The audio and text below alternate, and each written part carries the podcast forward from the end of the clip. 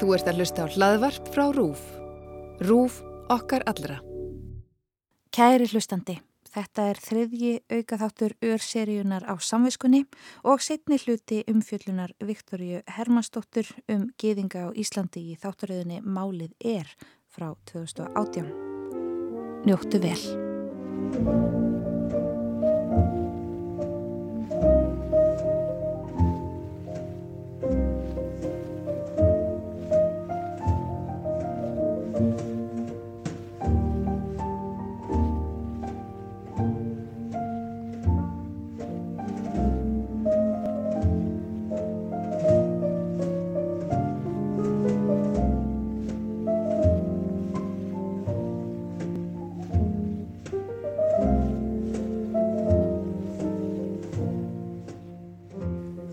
Ég gera þetta allt, ég ræri í mannaskítin og ég ræri í kúaskítin og, og en þetta er náttúrulega ekki helbri, og vinnu. Svo sælið þau í auga og fekk bakteri í auga, hothimnubolgu.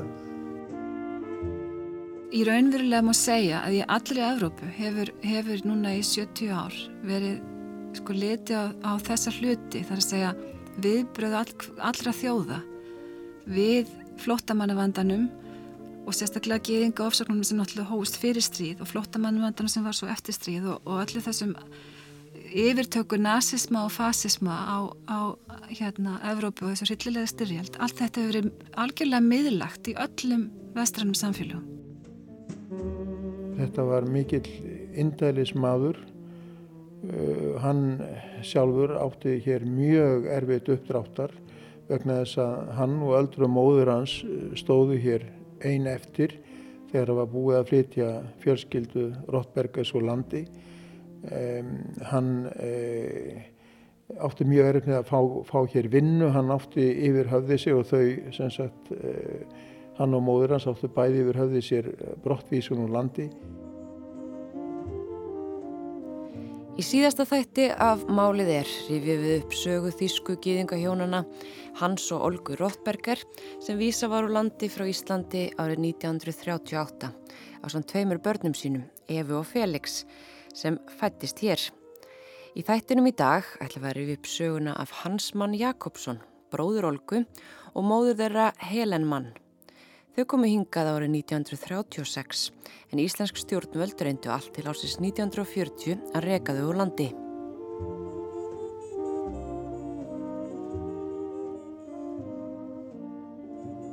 Líkt að kom fram í síðasta þætti þá komu maðgininn Hans og Helen hinga til lands haustið 1936 en Hans og Olga Rottberger höfðu þó verið hér í nokkra mánuði.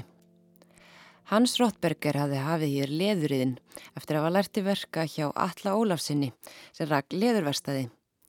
Þegar Hans og Olga fóru frá landinu, örðu bróðir og móður Olgu eftir í Þískalandi en fóru fljótlega á flakkum Evrópu í leitað skjóli gegn gýðingafsóknum. Þau flúðu frá Berlin meðan á olimpíuleikum stóð en gýðingar sættu þó miklum ofsóknum í Þískalandi.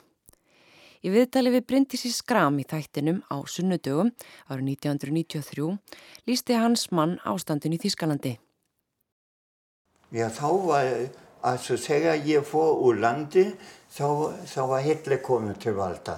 Mm -hmm. Já, en það byrjaði strax 1900 1932 þá byrjaði að, að orsækja geðingar. Það voru nazista í brúni jakkafötun með hakakross um handlegin já, og þeir þungu uh, Júdas, Júdas Farekkel. Uh, voru þeir sem sagt að kalla ykkur öllum yllin löfnum? Júdas Farekkel, altså uh, geðingur skal kapna. Já. já. So sunge líka, also haut sie, haut sie in die Schnauze, bis das Judenblut vom Messer spritzt. Also þeir hafa að berja okkur í, á, á kjaftin og nakkanum og, og láta geðingablóðu spröyta að nýfum þeirra. Móður hans beigð einsumul í Berlín og meðan hann fristaði þess að finna þeim örugan stað. Svo voru, svo voru geðinga, geðinga tekin segja von Ratt í, í Fraklandi var myrtu. Það var sendiráðs uh, uh, reytari. Já, einhver geðingu myrta hann og þá kom uh, þessi krist, kristallnátt. Já, að, að þeir, þeir tóka allir geðinga fasta, fastan og, og meðsöndu og kveitti í synagógu okkur, í synagógu okkur og notaði sem náðhús til að pissa og svoleiðs, til að svífur okkur nóg nó mikið. Þetta, þetta gerði allt saman. Já, og, og mér líka náttúrulega illa og ég fór, ég reyndi að flýja til Tekoslovakíu. Ég með vegabrif eins og en teka sér, þeir vildi ekki taka neina þjóveri af flottamenn. Það var alveg fullt sanna í Prag. Já, þá reyndi ég að fara lengra, kom til, komst til Ungvalandi. Í Ungvalandi stoppaði á landamærin og að segja, eh, þú kemur hér ekki í gegn, fara bara tilbaka. Já, ég var að hugsa að fara með á reysjóli til, til uh, Ísrael. Já, en uh, mér, mér tókst það ekki, ég komst ekki yfir neinu landamæri. En, var mamma þín alltaf með þér þá? Nei, mamma mín var í, í Berlín, einsömmul. Í heimildarmyndinni Gýðingar á Íslandi eftir Einar Heimisson sem sínd var í sjónvarpunu árið 1989 og vakti mikla aðtikli, lísti hans mann ofsóknu nazista gegn Gýðingum og flóttanum frá Þýskalendi á þennan hátt. Og löggugluðsjónu þeir, þeir, þeir gera eins og þeir sæja ekkert, það var allt leifilegt, gagvat Gýðingum. Varst þú sjálfur fyrir ofbeldi á þessum árum? Já, ekki að neina ráði. Svo, svo arja, þetta nazista voru að rækja á mannin og, og, og kalla, kalla verflúta mistjúði helvitis uh, uh, geðingu. Maður gerir svona eins og maður heyrði það ekki. Að því, ef maður veistu mótsróðu það var bara, maður setti sig í lífsæstu. Maður var fyrir pýndingum og og látum svo, svo það er miklu betra að, að, tegja og gera svona eins og maður heyra ekki. Þetta eins og við Buddha api, hann heldur fyrir eirinn, hann heyra ekki fyrir augun, hann sé ekki og fyrir munnin, hann tala ekki. Svona er þetta í einræðisríkin, ekki heyra, ekki sjá og ekki tala. Og þessi menn sem kunna ekki haga sig eins og bútisku apa, þeir, þeir voru líflátin eða pindu. En ég læri mínu leksju, ég steinsaði og, og var, var þessvina ekki mikið, mikið fyrir áreitni. Ég helsa líka með nazistu hverju ef, ef svolítið stóð á, ég lyfti hönd höndin upp, alla manna hæst upp og, og arkaði sko hæl, hælsennan satan. Svo innst í hjartan vildi ég e, döðun hans. En það sísti ekkert nema gráta með úlfum vera eins og henni en ég forðaði náttúrulega ef ég sé svona ef ég sá svona menn að svo nazista ganga um og kalla að kalla eh, Deutschland erwache, Judas verrecke, Þískaland vakna og Judas skal kapna. Svo, þetta var slagorðið þeirra. Ég lóp nú alltaf í húsasund mögulegt var en ef það ekki mögulegt þá var nöðsynlegt að lifta hönduna og arka alveg eins og hennu annars var maður barinn. Hvenar flýðir þú Þískaland? Það var 1936 þegar olimpíuleikur voru. Þá, þá hætti nazista skyndilega að ofsækja gýðinga af því það komið svo mikið á útlönskum ísróttamönnum og gestum til, til Berlína og okkur var satt við ekki að hafa hættum okkur og segja ekki neina nein ræslusögu annars uh, skulum við hafa vera af. Ég fór til, til Tjekkoslovakia en í Tjekkoslovakia voru flottamenn illa liðin. Þeir kallaðu flottamenn sem komið frá Sískalandi nemetski. Ég held það er einhver skömmorði og það var mjög erfitt þar. Það var alveg vonlöst að fá vinnu þar. Það helst að geðingar sem voru búsettu þar að þeir gáfu okkur að borða. En uh, það var ekki neitt framtíð þar. Og líka segja fór til Ungvalands. Ég, kom ekki, ég komst ekki nema til landamærin þá var ég stoppað af að því tottverðu og löggurna segja sjálfur strangt verð að flotta ströymum fyrir ekki yfir. Hann sagði sér þið litist vel á Ísland þegar hann kom fyrst. Reykjavík var miklu minni en Berlín þar sem hann hafi búið en friðsæl. Það kom hann því að opna sköldu þegar hann fekk ekki landvistalefi hér. Hans lísti fyrir ráðamönnum þeim aðstæðum sem þau hefðu búið við í Þýskalandi en það var ekki hlustað á hann. Hann saði fólka á þeim tíma ekki á að trúa því sem hann hafði að segja um gíðingafsóknir. Ég kom 10. oktober 1936 og það var, það var ágætt í fyrstum. Mér fannst ég væri sloppið úr ofrelsi í í þetta fríðaparadís eins og Ortberga skrifa. En uh, þegar ég fór að líta í kringum mig það var erfitt með vinnu. Svo áttu, áttu maður að fá dvalarleifi og atvinnuleifi áður maður fyrir að vinna. Og þá fór ég á fund við Herman Jónasson og bað hann að, að, að hjálpa mér og hann var mjög vingjarlu og, og ég held bara að mér væri borgir að hann eh, myndi veita mér atvinnu og dvalarleifi.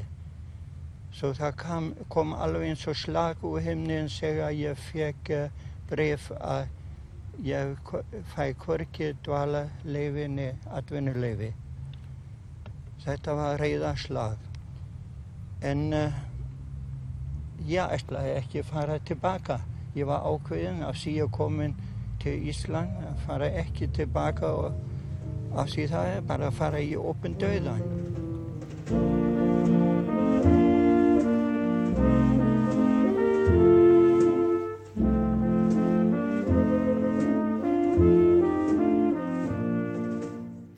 Hans mann var ákveðin í að fara ekki frá Íslandi þráttur að hafa verið sinjað um dvalar og atvinnulefi. Þau maðginni legðu fyrst um sinna herbergi að ringbröð hundrað en hans flæktist um sveitir til þess að reyna að vinna inn fyrir þeim. Hann vann fyrst við mjög slæmar aðstæður eins og hann lýsir í fyrirnæmdu viðtali við Bryndísi Skram. Já, ég fór strax að leita vinnu, fann vinnu fyrst upp í borgarfyrði og þannig fekk ég ekkert kaup og kuldum var svo gífileg. Bondin hann var grimmu, ég skildi hann ekki og og kunni ekki máli ef hann var að segja ég átti að sækja hist og þetta í, í fjósinni þá kom ég kannski með kust í stað með fötu og svo les Já, og, þú er ekki kunnað íslensku? Nei, ég kun, kun, kun, ekki íslensku nei.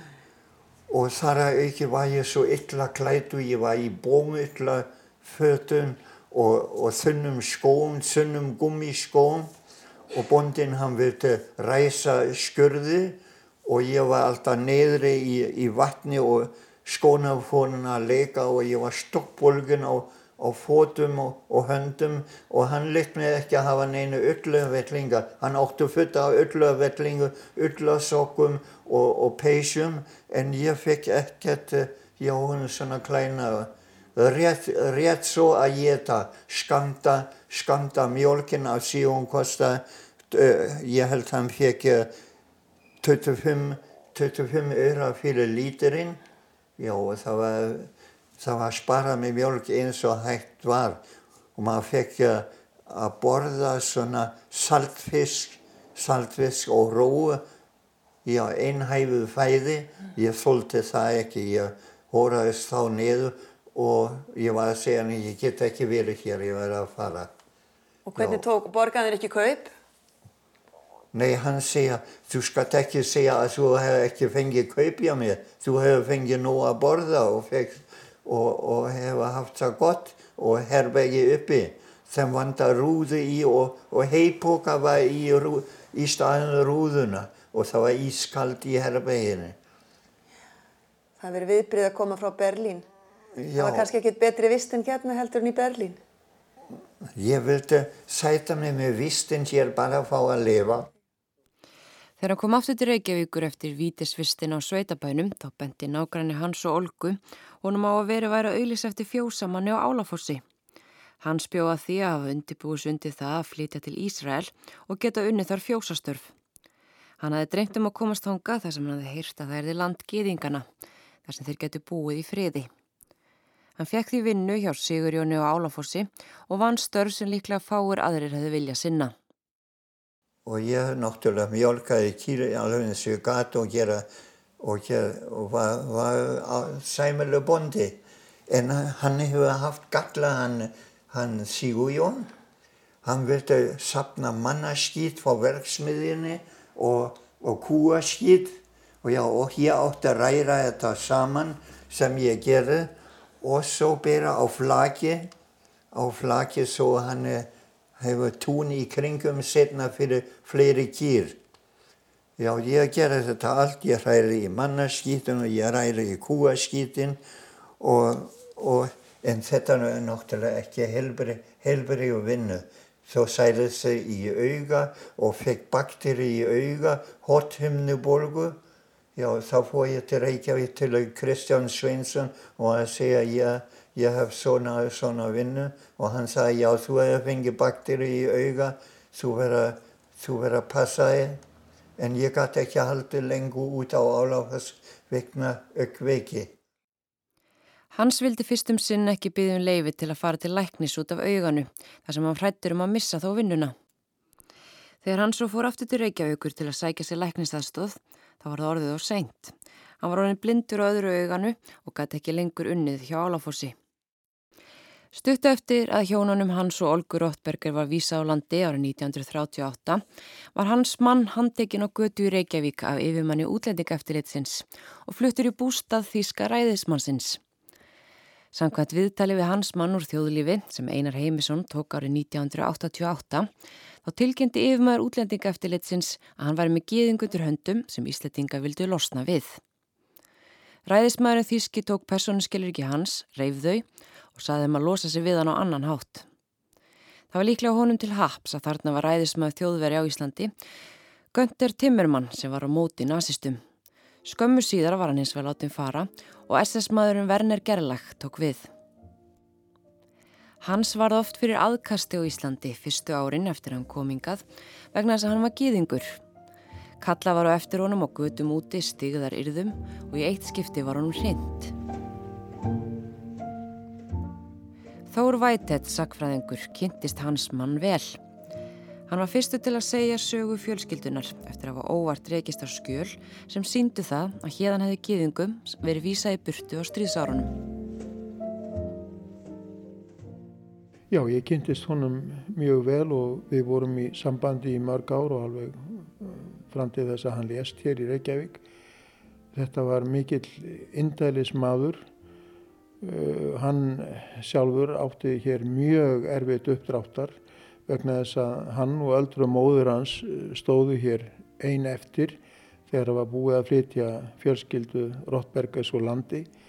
Um, hann uh, átti mjög með að fá, fá hér vinnu, hann átti yfir höfði sig og þau sem sagt uh, hann og móður hans átti bæði yfir höfði sér brottvísun og landi og það makalösa er að, að stjórnvöld voru að, að ráðgera brottvísun hans allt fram á vorið 1940 sem sagt í talsverðan tíma eftir að, eftir, eftir að styrjöld hófst hér var ennverið að, að leggja ráðin um að, um að flytja þau á brott. Hvernig stjórnvöld ætluðu sér yfir þetta að koma þeim á landi skilja nú ekki, eiginlega ekki en en hans mann leitt sjálfur svo á að brettar með hernámi landsins hefðu bjargað lífi hans og móður hans.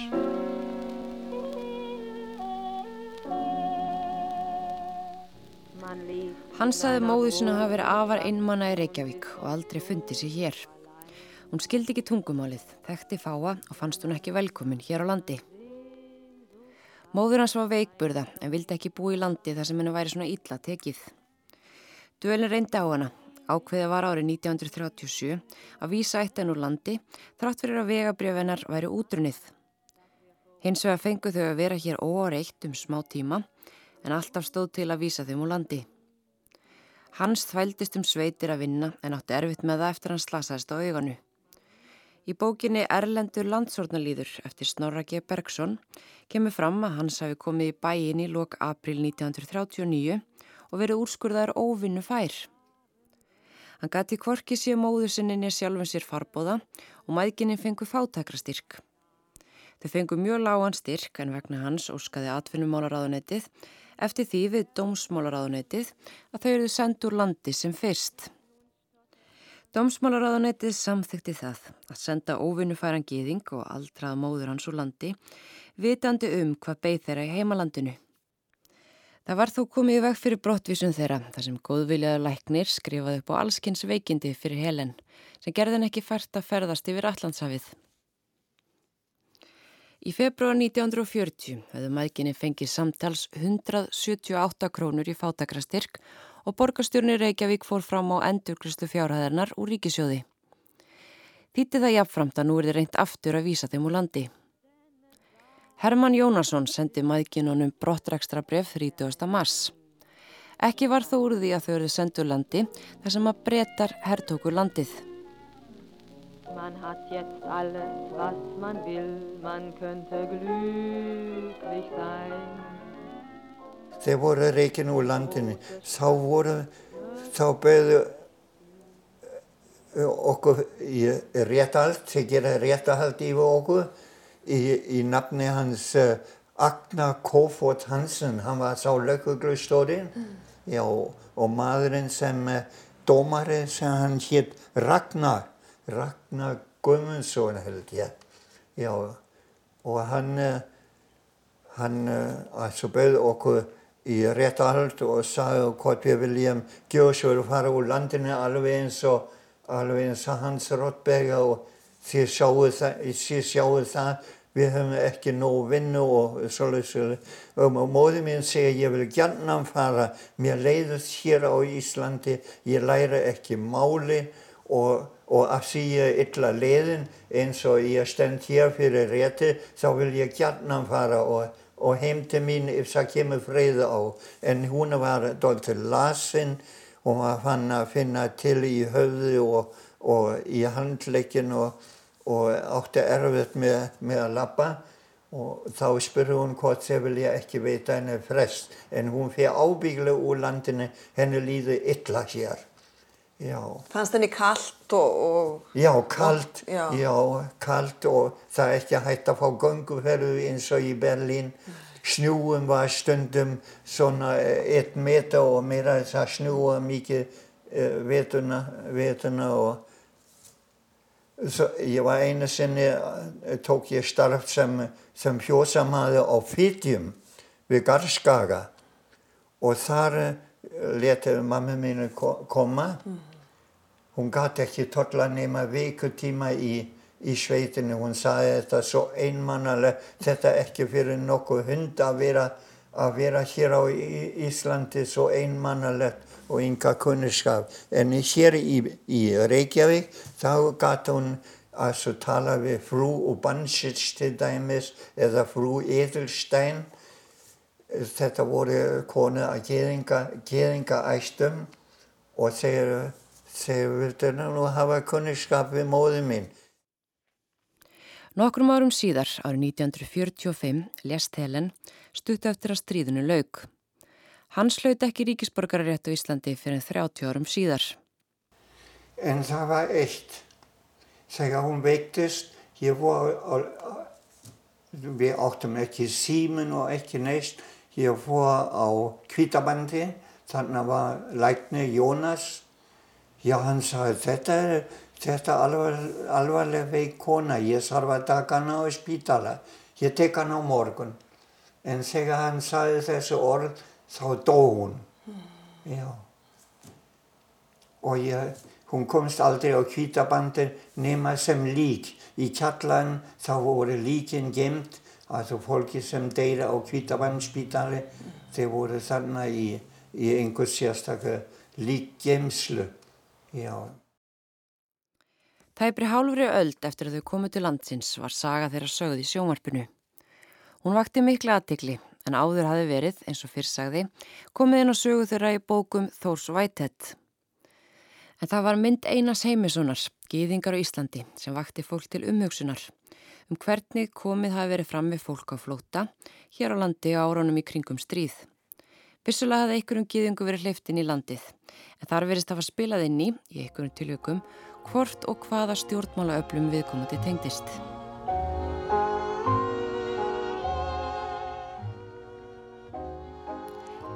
Kristrún Heimistóttir, sýstir Einas Heimissonar heitins, segi viðbrun hafi verið mikil og margir hafi ekki verið tilbúinir að viðukina hvernig hafi verið staðið þessu málum.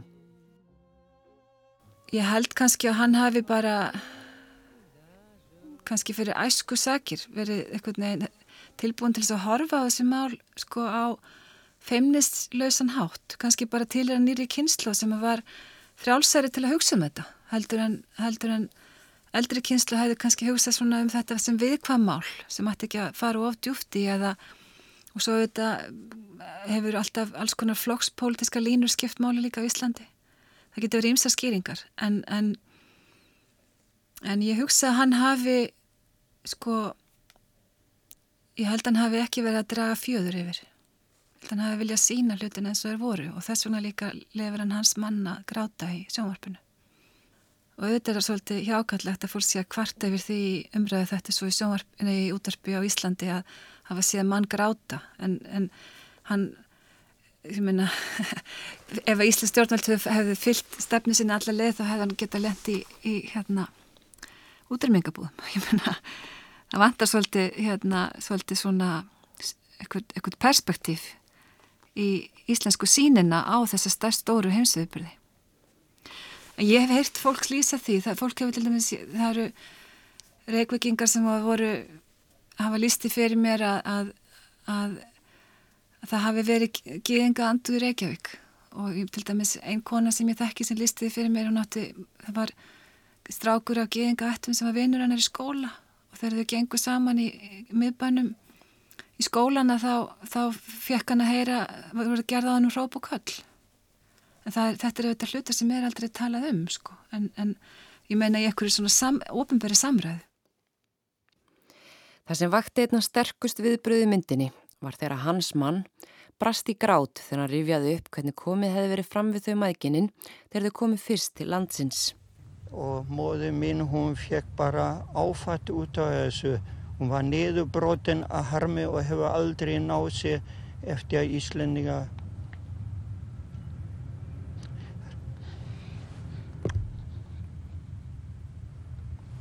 fyrir ekki.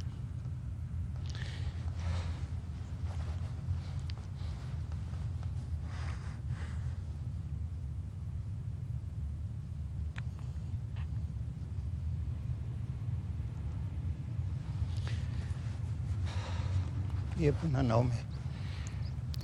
Kristrún segir aldrei neitt uppgjur af áttið stað hér á landi varðandi þessi mál.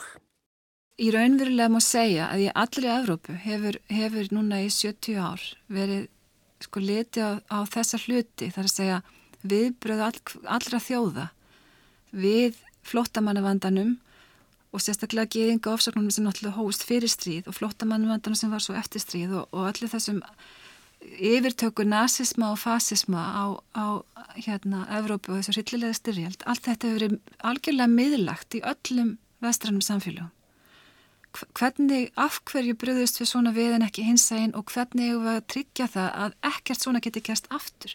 Þetta hefur verið það sem að það sem að allar alþjóðastofnunar eða allar evróskar hérna, fjölþjóðlega stofnunar til dæmis hafa meira minna snúist um.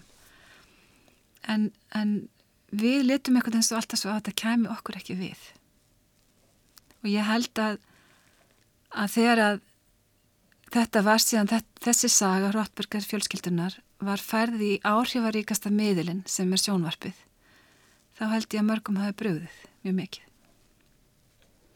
Voru ykkur, komu ykkur viðbröð frá stjórnvöldum eða ykkurum yfirvöldum í kjálfar myndarnar? Nei, ekki nein, ekki manni eftir því.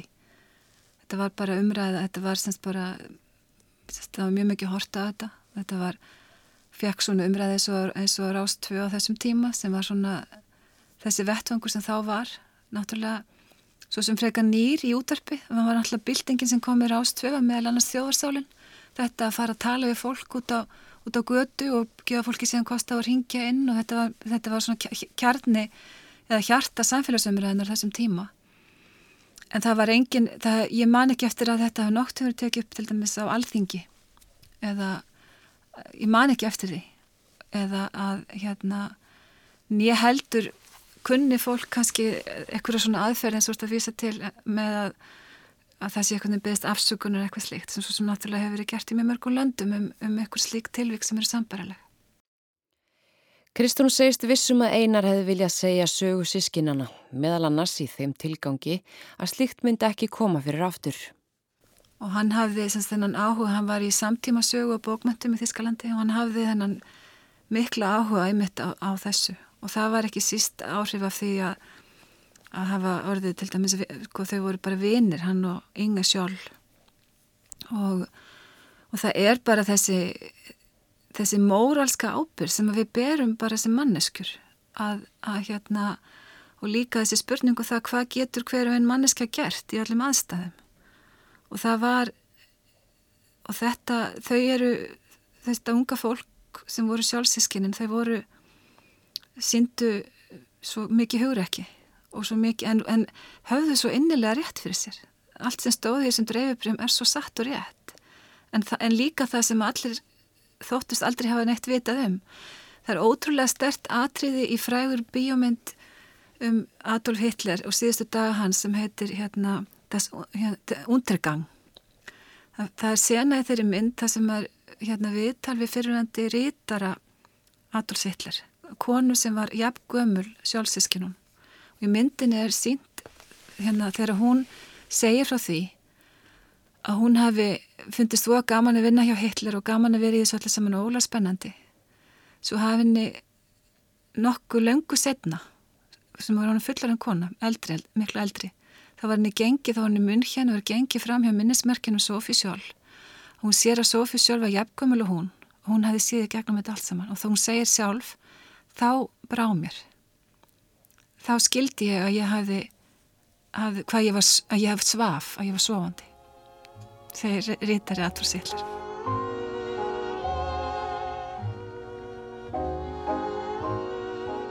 Þór segir þó að breytingar hafa orðið á stefnu stjórnvalda á þessum árum.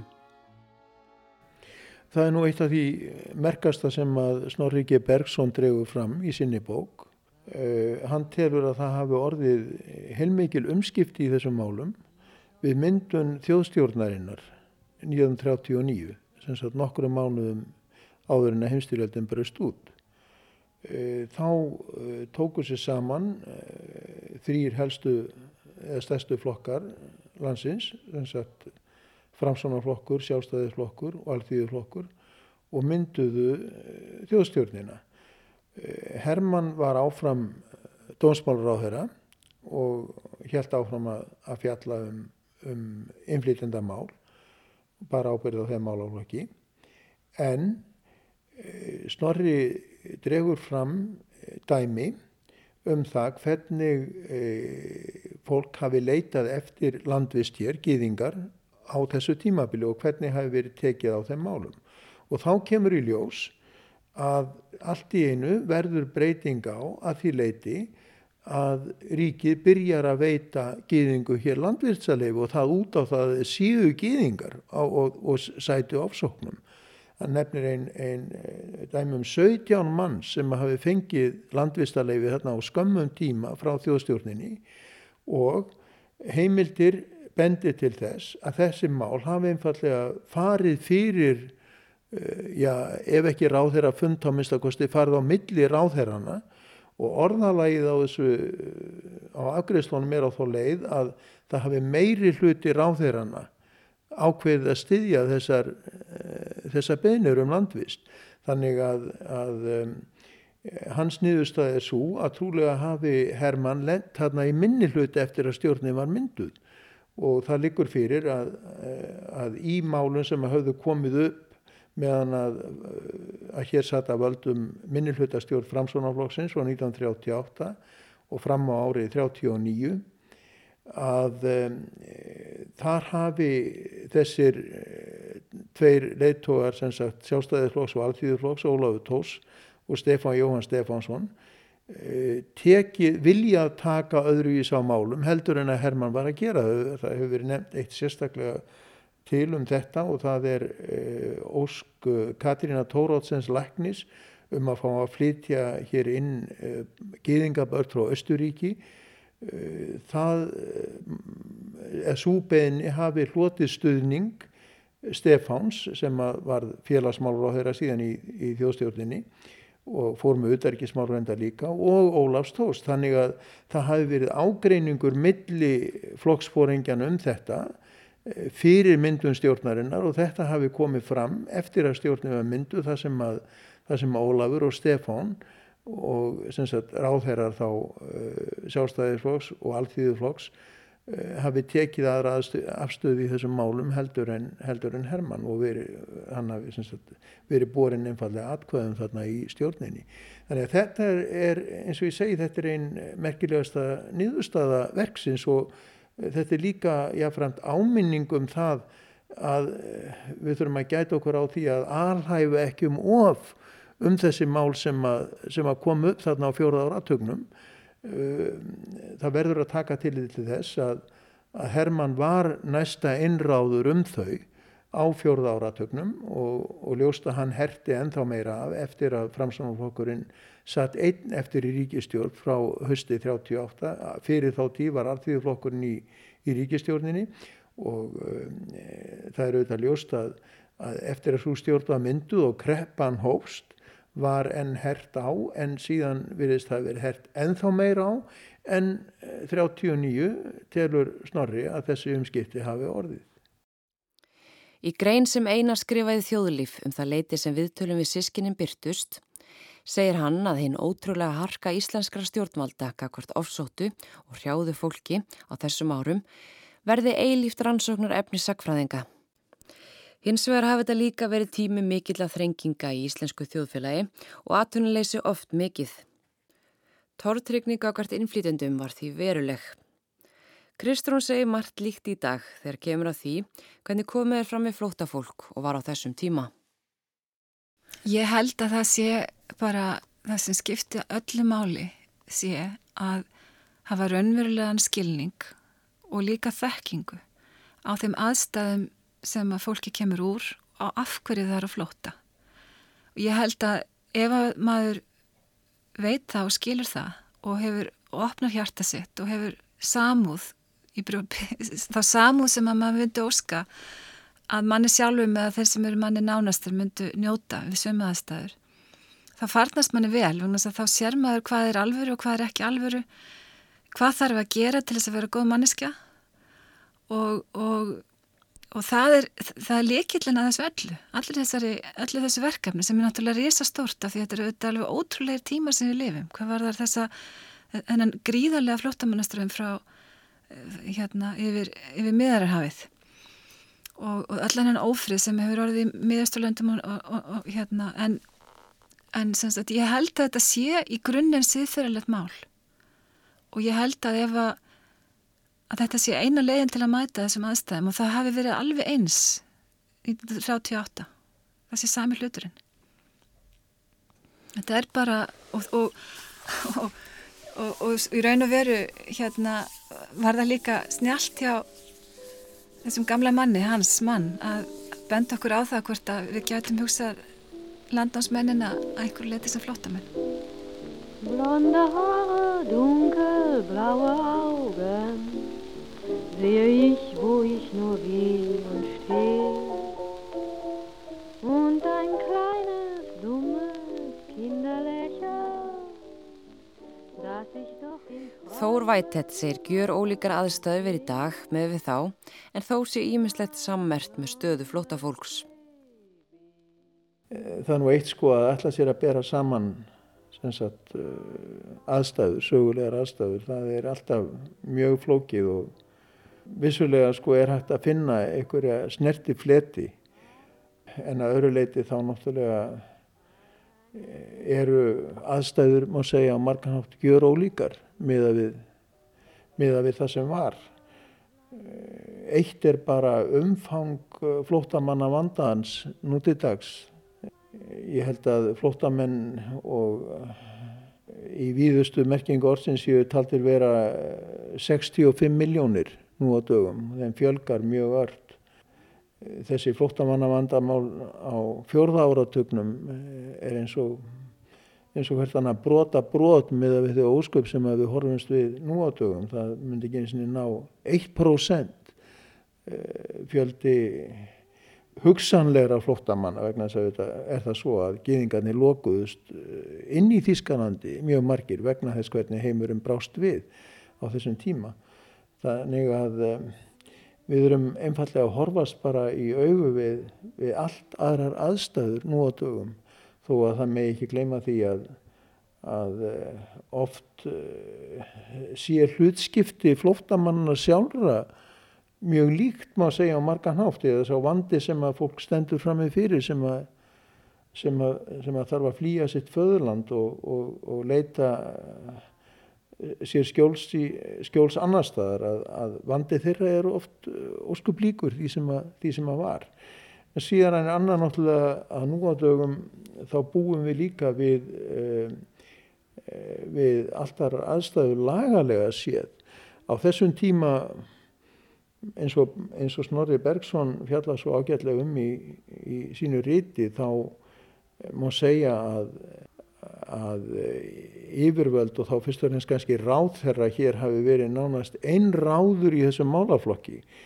Og reyndar bendir eh, snorra á það eh, réttilega sem að sem hefur ekki verið áður gert að sumt af því sem að ráðherran var að gera stangaði sögljóslega á við íslensk lög eins og til dæmis um það að mismunna fólki eftir kynþætti. Það stangaðist á við íslensk lög og, um, og jáfnframt þær reglugerðir sem að, sem að stjórnvöld hér höfðu, höfðu sjálf sett og kom fram mjög mikil mismunni í því hvernig var tekið á fólki eftir því af hvaða uppbrunnaða var.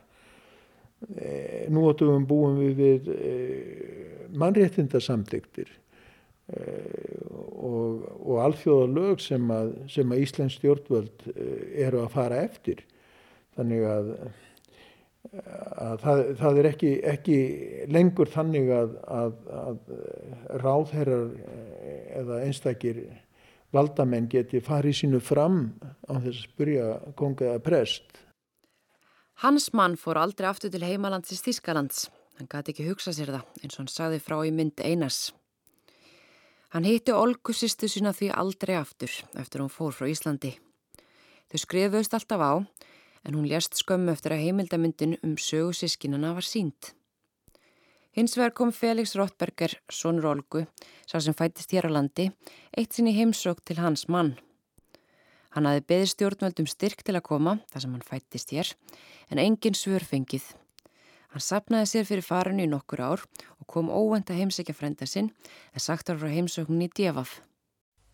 Nei, ég hef aldrei farið þanga aftur og mynd ekki gera það eins og Íslendinga segja brenn batt forði eldin. Ég brendi, brendi mig svo gífulega í Þískalandi og, og slæmi endurminninga sem pína mig eins á í dag. Hann stundaði lengst af verkamann að vinna á Íslandi eftir að móður að slést gifti sig árið 1952 og bjó lengst af á samt eiginkonu sinu á Karlagötu. Hann átti ágætist líf en skildi aldrei hvers vegna gýðingum var sínt slík andúð hér á landi. Hans mann Jakobsson lést 15. desember 1996, 83 árað aldri. Leifum hans mann að eiga loka orðin í þessum þætti. Brotið er tekið úr heimildamind Einars Heimissonar, Gýðingar á Íslandi. Ég skil ekki þetta að Íslinja skulle hafa gert þetta. Íslinja sem eru sjálfu eh, afkomandi að Ingólu Átnarsson flottamanni að segja hafa haft svo lítið skilning fyrir flottamenn hér á landi. Vi, við vorum ekki einu einu geðinga og flottamenn sem Íslendinga reynda að losna við, losna við. en uh, öðruvísi skilja það vel Íslendinga Íslendinga vilja vera fresamstu og hamingjusamstu þjóð í heiminn og hér er ekki pláð fyrir óhamingjusamt fólk eins og stendi í bíblina sko þegar Guð kallaði til kæn hvað er er bróðið sín? Ó, ég gæt, gæta bróðið mín, svara hann. Svo hann hefur dreipið hann. Og svo má kalla eins á í dag allstað í öllum löndum. Hvað hafið þið gert við bræðu ykkur? Já, setna í stríði þá var hún Marlene Dietrich að syngja eh, Sag mir, wo die Soldaten sind. Já, ég, og, og ég myndi syngja Sag mér hvor de júden sind. Altså, hvað eru geðingar?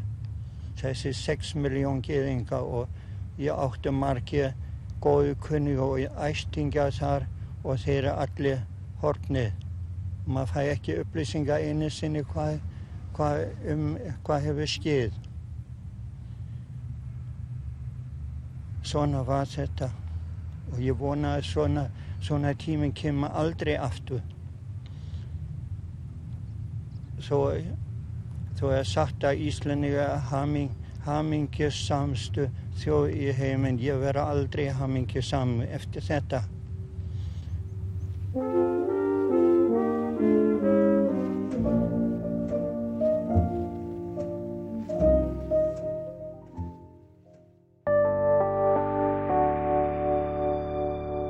Rúf okkar allra.